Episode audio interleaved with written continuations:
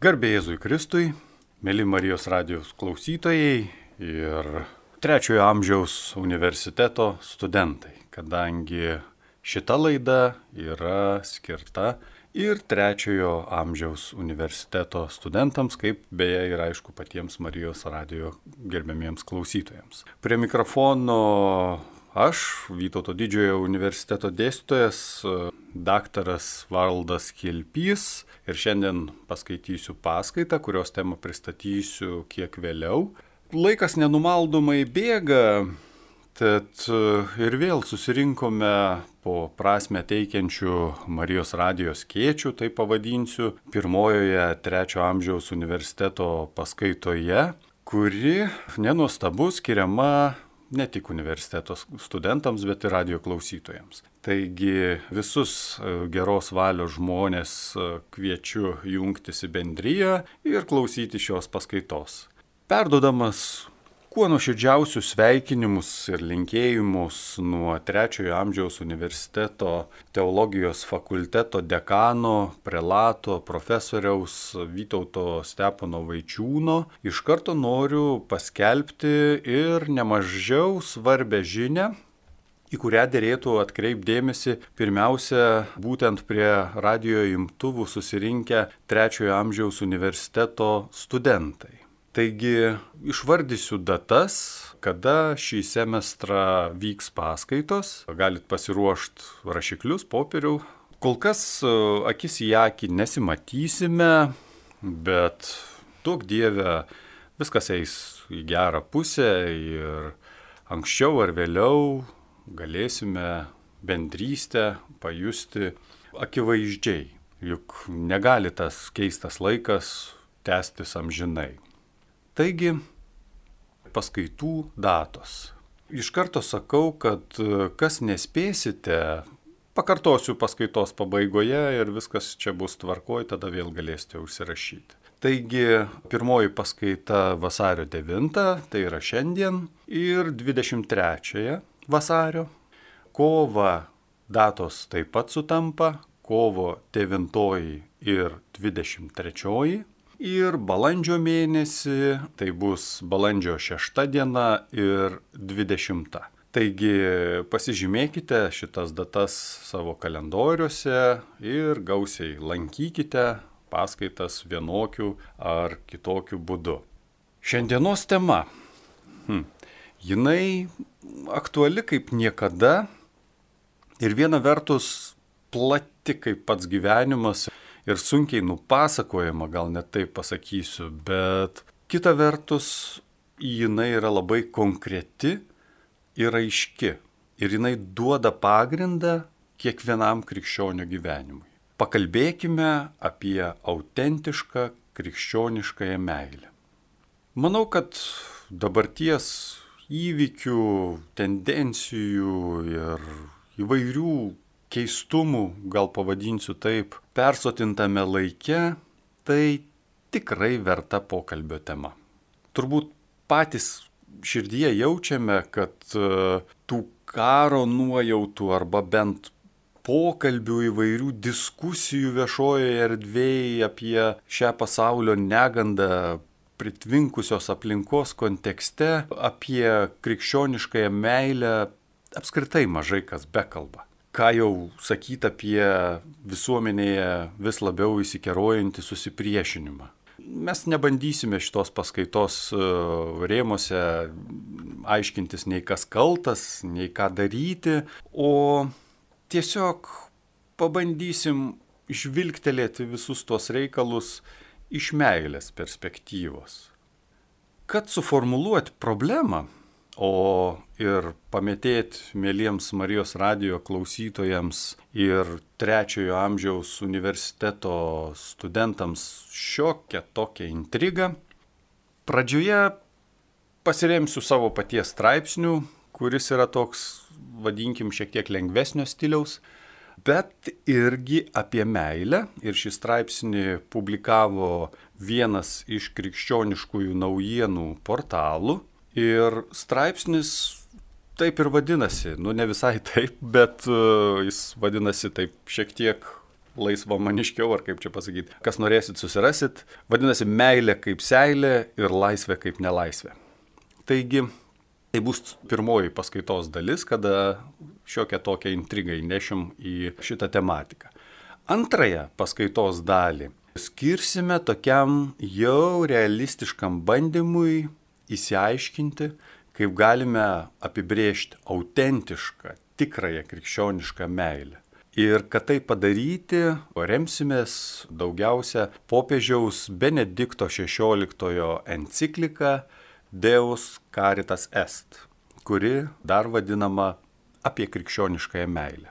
Taigi, tarsi dvi paskaitos dalis ir vienas aiškus tikslas - bandyti susigaudyti dabarties pasaulio sumaištyje ir išsigrynint autentiškos krikščioniškos meilės sampratą, nepasineriant iki kaklo, nepaskestant teologiniuose svarstymuose, kurie be jokios abejonės yra labai reikalingi ir vertingi. Tačiau ir čia bus ko gero akmuo ir į mūsų pačių daržą, ar ne? Labai dažnai gyvenime galima susidurti su tokiais teologiniais išvedžiojimais, arba pavadinkim juos išvedžiojimais, kurie su realybė nelabai ką bendro turi. Arba gal tiksliau pasakysiu, nelabai gelbėja realiame gyvenime.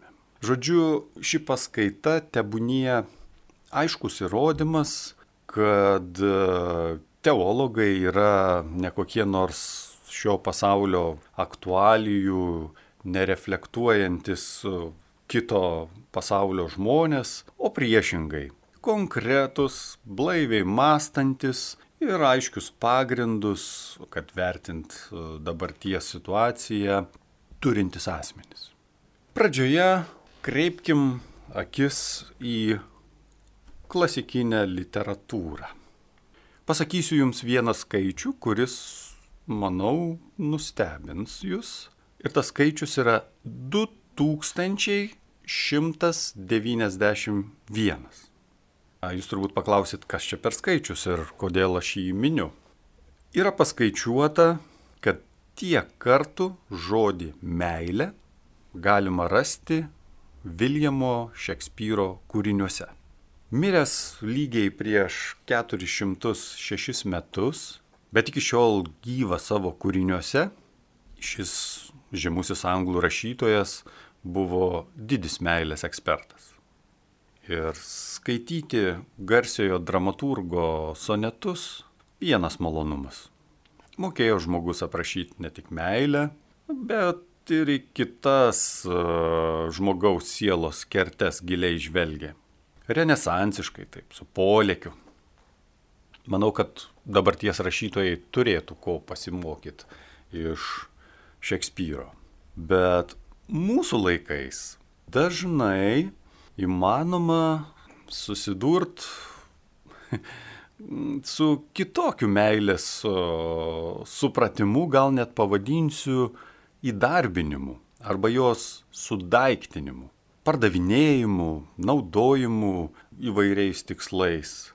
Nuo reklamos iki ne visai etiškų visokių ideologinių sistemų pateisinimų. Nu, būtent dėl to susidūrus su tokiais atvejais kyla ir kiek kitokios mintis.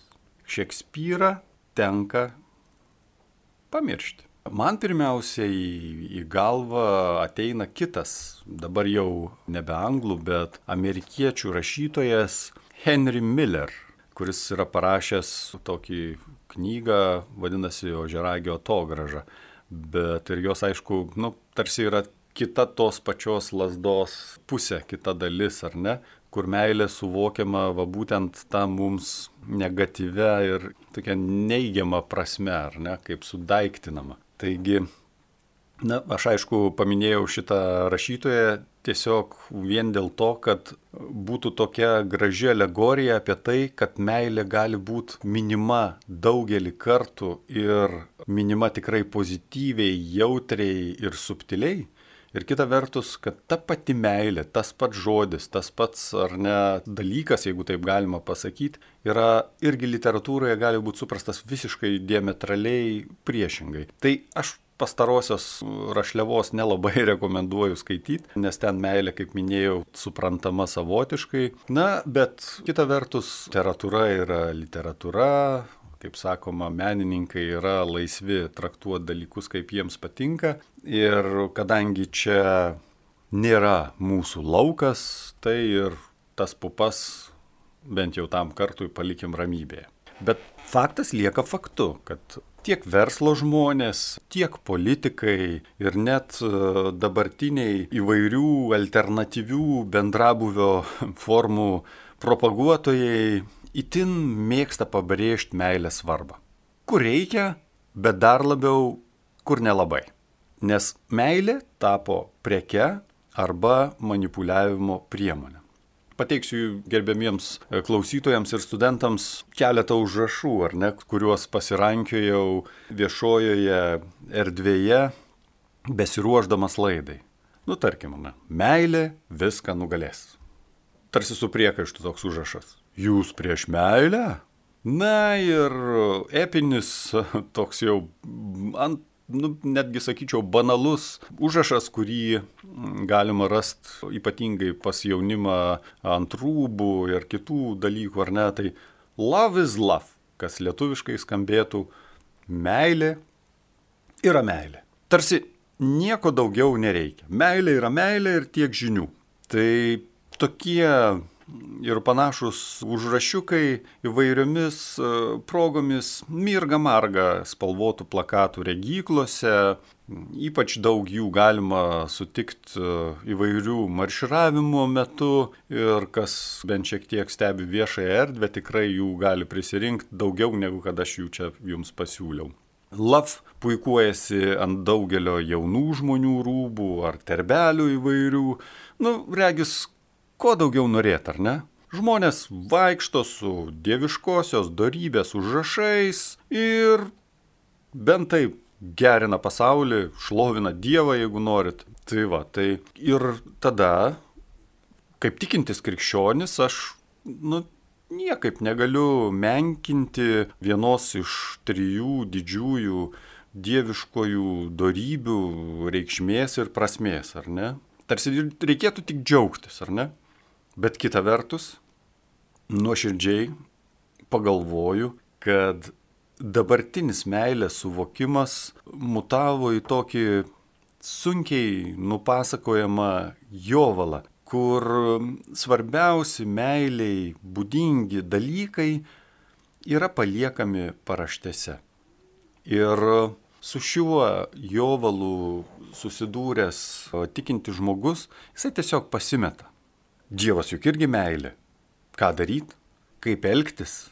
Ar su love is love ant marškinėlių sutiktas jaunuolis ar, ar jaunuolė jau savaime priimtinas kaip tikėjimo brolis? Daug klausimų ir šiek tiek per mažai atsakymų. Pabandykim pasiaiškinti. Pradėkim kiek iš toliau, ar ne? Prabilus apie meilę, dažniausiai tulam tautiečiui prieš akis stoja arba nu, tiesiog natūraliai ima galvotis apie meilę tarp vyro ir moters. Kalbant apie šituos reikalus, apie vyro ir moters santykius, meilė be abejo svarbi. Gal net svarbiausias dėmuo, turint mintį šeimą, vaikus ir, ir panašius reikalus. Tačiau faktas lieka faktu alternatyvių bendrabuvio formų propaguotojai meilę tarsi uzurpuoja ir įdarbina ją savo naudai. Tik savo naudai. Litiškumo raiškos pagrindą sudaro meilė, tačiau jų supratimu ji verčia, nu, jinai pasidaro truputėlį kita, kai tuo tarpu kitokia, kitoniška, kai tuo tarpu meilė negali versti žiūrėti kitą žmogų kaip į žaislą ar vartojamą daiktą. Tikra meilė yra vaisinga arba bent jau tokia siekia būti. Tačiau dabartie žmogus linkęs meilę turėti kaip pasiteisinimą įvairiomis progomis. Ir tai jaučiama kiekviename žingsnyje. Kai susidurima su kokia nors komplikuota problema, galima be vargo pasakyti, kad tą ar aną kitą dalyką aš padariau iš meilės. Nu, meilė tampa tik psichologijos, o ne realaus visuotinio gyvenimo dalimi. Ji tiesiog yra supaprastinama iki ropliui prieinamo suvokimo. Kitaip tariant, jeigu mes kalbėtume meilės supaprastintojų kalba, gyvybės perdavimo reikalai yra ne meilės dalykas, jie priklauso biologijai. Socialinis gyvenimas priklauso politikai ir sociologijai. Piniginius reikalus geriausia tvarkyti remiantis ekonomikos dėsniais. Na, o meilė tai čia jau grinoji psichologija ir reikit jūs šunim šieko pjaut su visais savo dieviškom meilėm, krikščioniškom meilėm ir panašiai. Tai tik psichologijos rytis. Love is love ir tiek žinių. Traukiam vėliavas ir taip Mamontoviškai, kas žinot, Mamontovo daina yra tokia viena, kurio žodžiai arba priedainis skamba, kad bet niekada mums meilės nebus per daug. Ir savo ką, dainuojam dainelės ir viskas tvarkoj. Visi, kas nesutinka, atsilikėliai, progreso stabdžiai ir argumentų, gilinimosi, mąstymo tiesiog nebereikia. Lieka tik juoda ir balta arba veikiau spalvota. Tai kalbėti apie meilę, kaip jau minėjau paskaitos pradžioje, aš dabar čia užsiemiau tokiomis švelniomis provokacijomis, turbūt aiškiai suprantat. Tačiau tęsiant kalbą apie va būtent tą tokį pirmiausiai galvą ateinantį meilės aspektą, tai yra dviejų lygiaverčių asmenų bendravimą ir iš to užgimstančią meilę ir jeigu jinai yra, jinai lieka tik psichologijos įtakoje, psichologijos įtakos erdvėje, tai meilė lieka tik kažkoks sunkiai nupasakojimas jausmas, bevertė emocija, kuri atsiranda iš niekur ir prapuola nežinia kur. Na, vakar mylėjau, šiandien atsikėliau ne iš tos kojos iš lovos, jau nebemyliu. Myliu katę, šunį, žmoną, dar kažką. Ir pati meilė tampa plokščia, ar ne? Jinai sutapatinama su paprasčiausia emocija. Vargu bau, ar mums toks požiūris priimtinas.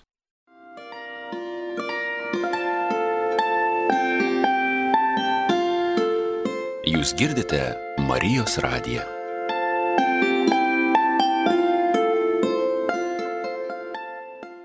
iš tiesų būtina neišleisti iš akių dovanojimuose vienas kitam aspektų. Atsakomybės.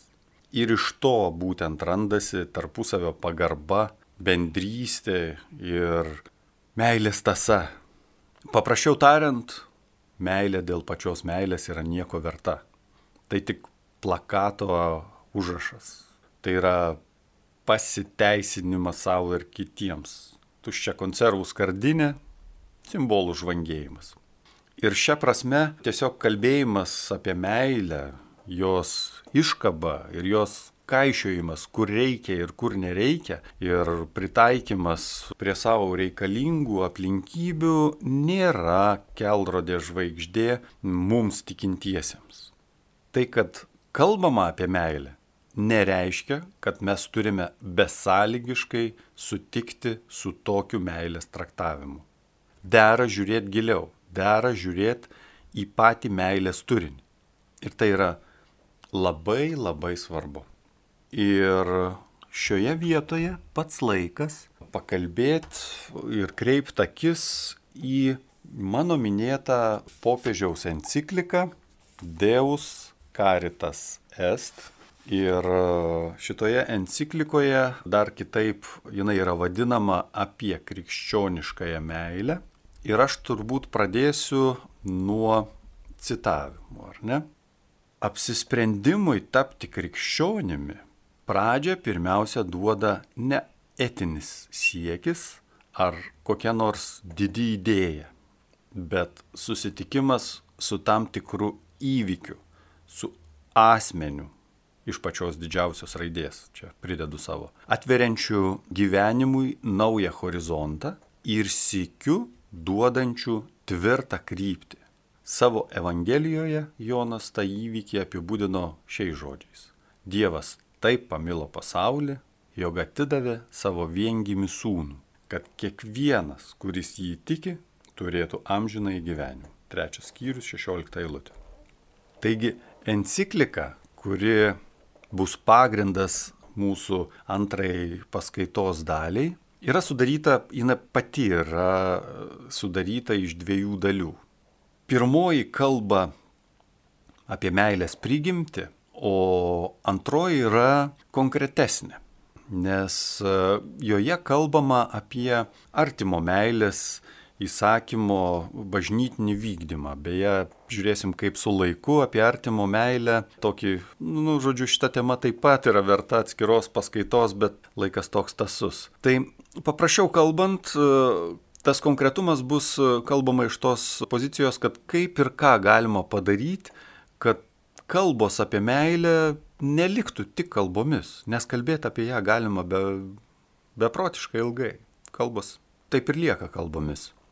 Ir e, tema, nuo kurios mes pradėjom paskaitą, ar ne, tai yra apie tam tikrą klaidingą, devalvuotą, nuvalkiotą ir, ir net ir prasme praradusią meilę sampratą, iš tikrųjų šita tema yra jaučiama ir iškyla ir pačioje mm, enciklikoje, tik savaime suprantama kiek kitokiu, solidesniu kampu. Popiežius Benediktas XVI klausia, enciklikos skaitytojų. Ir aš čia cituoju. Kalbama apie tėvynės meilę, meilę savo profesijai, draugų meilę, meilę darbui, tėvų ir vaikų, brolių ir artimųjų meilę, meilę artimui ir meilę Dievui.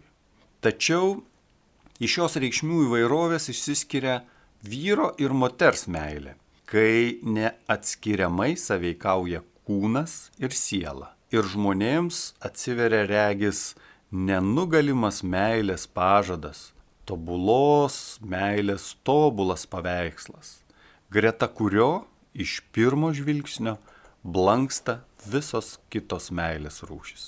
Čia kyla klausimas, ar visos šios meilės formos galiausiai susijusios ir meilė nepaisant jos apraiškų įvairovės, yra galiausiai viena, ar vis dėlto šituo pačiu žodžiu žymime visiškai skirtingus dalykus. Citatos pabaiga. Įdomus ir prasmingas klausimas, apie kurį dažnai nesusimastome, taškydamėsi meilės purslais kairien ir dešinien. Ir tiesą pasakius, meilė tarp vyrų ir moters šioje vietoje nėra vienintelė ir pati svarbiausia. Į pagalbą pasitelkime senąją graikų kalbą, kurioje vyrą ir moterį tarsi užklumpanti meilė buvo vadinama eros. Iš karto atkreipsime dėmesį, kad žodis erosas Senajame testamente graikų kalba pavartotas yra tik du kartus Tuo tarpu Naujajame testamente jo apskritai nepasitaiko. Tai yra šventajame rašte vyro ir moters meilė yra nedažnai aptariamas dalykėlis. Ir iš trijų meilę žyminčių graikiškų žodžių, tai yra erosas, filija, kurią galima išversti kaip draugų meilė, ir agapė Naujojo testamento raštuose pirmenybė teikiama paskutiniajam, e, graikų kalboje buvusiam paribyje. Tai yra meilė aiškiai nesuprantama tik kaip erosas. Būtų per daug paprasta. Ir savoka filija, apibūdinanti draugų meilę, ten aptinkama, o Jono Evangelijoje jį įgyja dar gilesnę reikšmę Jėzaus ir jo mokinių santykių išreikšti. Ir toks žodžio erosas atsisakymas bei naujas požiūris į meilę išreiškiamas iš tikrųjų žodžių agapė, kuri neabejotinai žymi krikščionybei būdinga iš esmės naują meilės supratimą. Meiliai kylančiai aukštesnių lygmenų link būdinga tai, kad ji pirmiausiai trokšta galutinumo ir jo trokšta dviejopų būdų. Tai yra pirmiausia išskirtinumo prasme, ar ne? Tik šis vienintelis asmuo. Ir antras aspektas - visam laikui prasme. Meilė negali būti kaip vat, prieš tai kalbėjom, šiandien myliu, rytoj ne. Meilė apriepia visą egzistenciją su visais matmenimis, įskaitant ir laiko matmenį. Tai ne straksėjimas nuo vieno meilės objekto prie kito, tai įsipareigojimas ir atsakomybė. Ir šita prasme marškinėlių su love is love nepakanka. Autentiška krikščioniška meilė žvelgia į amžinybę. Taip, meilė yra tam tikra ekstazė, bet tą ekstazę žodį tariu su labai dideliomis kabutėmis. Tačiau šita ekstazė nesuprastina akimirksnio apgirtimo prasme, ar ne, jeigu pasitelktumėm tą eroso reikšmę, ar ne. Šita meilė yra kaip kelias, kaip nuolatinis ėjimas iš savęs į savo išsilaisvinimą dovanojant save patį ir būtent per tai, tai yra ir ėjimas į savęs paties atradimą ir maža to ir į Dievo atradimą. Kas tenksis išsaugoti savo gyvybę, tas ją pražudys. O kas ją pražudys, tas ją atgaivins. Skaitome Luko 17 skyriui 33 eilutėje ir šie žodžiai priklauso Jėzui. Mūsų paskaitai persiritus į antrąją pusę, svarbu paminėti ir tai, kad, nu, paminėti bažnyčios karitatyvinės meilės svarbą ir išskirtinumą. Apsižvalgę aplink rasime daug įvairių bažnytinių ir nebažnytinių, gerą darančių organizacijų, draugijų, susivienijimų įvairių. Ir jų daugėjimas galiausiai yra paaiškinamas tuo, kad artimo meilės imperatyvas kurėjo įrašytas yra į pačią žmogaus prigimtį. Ir bažnyčia šį istorijos tekmėje dažnai išnykstantį imperatyvą vis iš naujo pabudina ir kiekvieną iš mūsų paskatina veikti. Ir tai yra beprotiškai geras dalykas, nes bažnyčia neleidžia apkerpėti meilės atžvilgių. Juk galėtumėm čia kalbėti kas antrą dieną, renkti laidas apie autentišką krikščionišką meilę ir nieko savo nedaryti. Ir visiems būtų gerai bet tai būtų apkerpėjimas.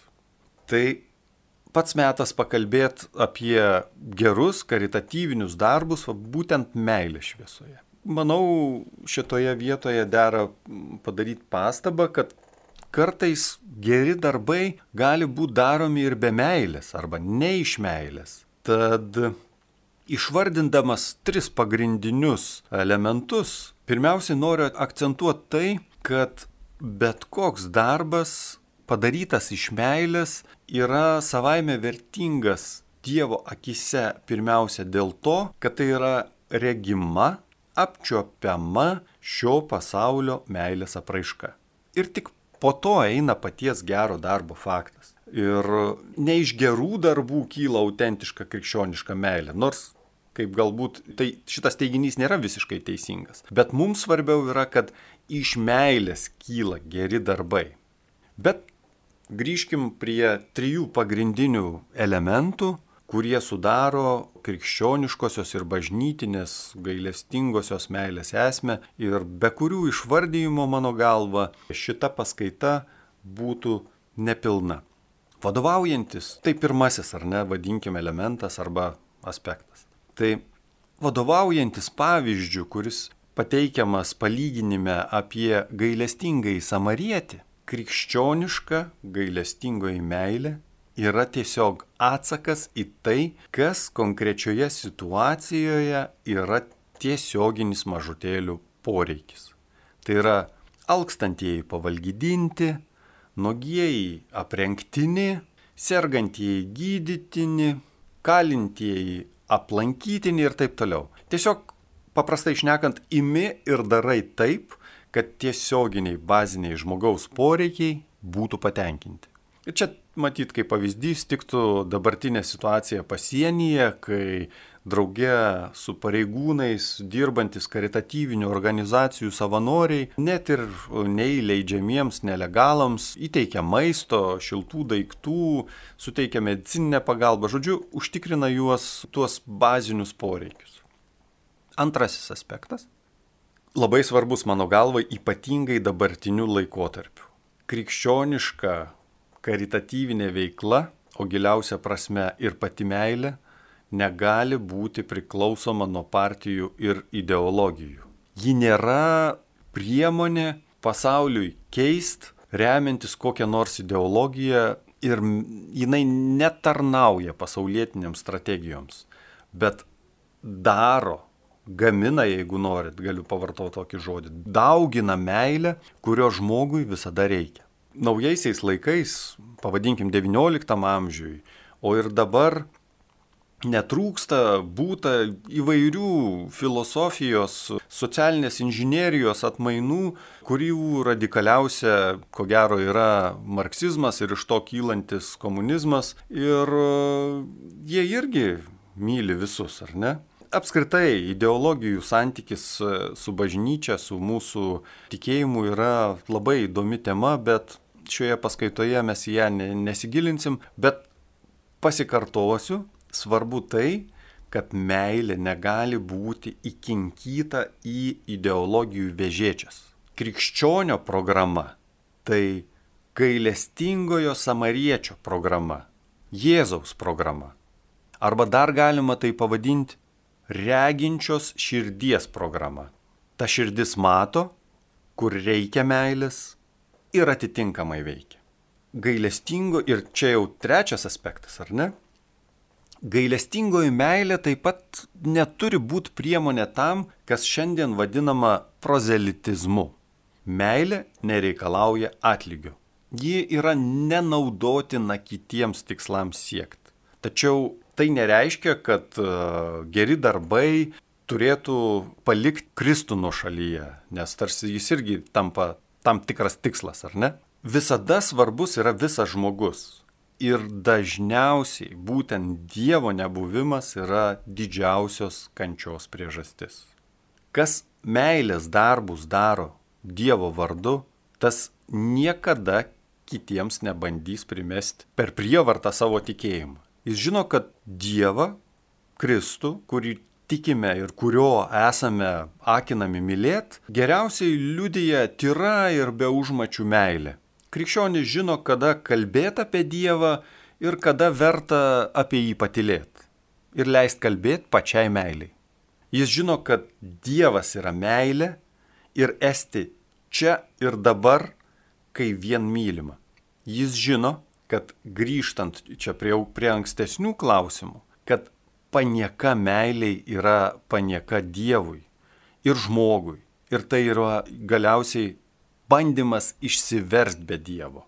Taigi šita prasme būtent autentiška krikščioniška meilė yra geriausia Dievo ir žmogaus gynyba šiais neramiais laikais.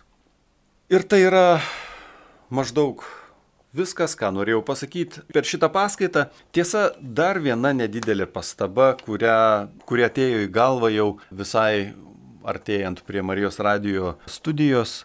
Apie laiką, ar ne, kad mums Dievas suteikė labai gerą laiką reikštis meilės darbams. Kai tradiciškai išnekam apie laiką, tai tarsi mes įsivaizduojam tam tikrą kažkokį iešmą ar ne, ant kurio sumauti visi istorijos įvykiai. Bet tai nėra tiesa.